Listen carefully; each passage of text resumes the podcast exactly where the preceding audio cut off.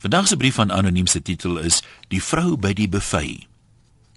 Sondag staan ons ter viering van 'n vriend se verjaardag vir die eerste keer in 'n lang ruk weer voor 'n bekende hotel se buffettafel. Die klise dat die tafel onder die kos kroon is nie hier van toepassing nie. Dit was 'n stewige tafel. In die hoek sit 'n vrou voor 'n vleuelklavier. Sy sing liedjies uit vervloë dae toe Glenn Miller nog op die top 20 was. Summertime van George Gershwin is daarom ook al in 1937 geskryf. Dit laat my wonder of wat dan die laaste paar dekades geen nuwe liedjies geskryf is wat daai bekende nostalgiese gevoel in jou wakker maak nie.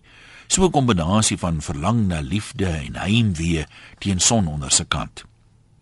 Die vrou is dalk 'n rapsie oor haar vleur, maar sy takel haar taak met oorgawe. Haar elegante rok, sorgsaam gekies vir die geleentheid, help om haar om te tower in 'n tydlose diva. Na 'n paar liedjies agter die klavier neem sy 'n koordlose mikrofoon en beweeg ligvoets tussen die tafels deur terwyl sy sing You give me fever, fever in the morning, fever in the night. 'n Oomie hou sy glas omhoog en huil dronk op die liefde. Ek vermoed hy vermoed die vrou sing net vir hom. Sy is heel talentvol, maar ek bewonder die ywer waarmee sy sing meer as haar sang vermoë. Soms kan jy mos sien die lewe het 'n musikant se drome al grootliks geblus. Hy of sy besef dat die groot verhoog met talle glansplakate buite die saal 'n droom gaan bly. Sulke kunstenaars beskou dit dikwels as 'n effense vernedering om in 'n restaurant te speel. Dis nie noodwendig die venue wat die probleem is nie, eerder die onbetrokkenheid van die gehoor. Hulle is nie daar om na jou te luister nie en hulle gee geen erkenning nie. Die kunstenaar kon net sowel nie daar gewees het nie. Dit moet moeilik wees om jou entoesiasme vol te hou sonder enige applous. Is dit dan nie die rede hoekom mense in die eerste plek begin sing nie?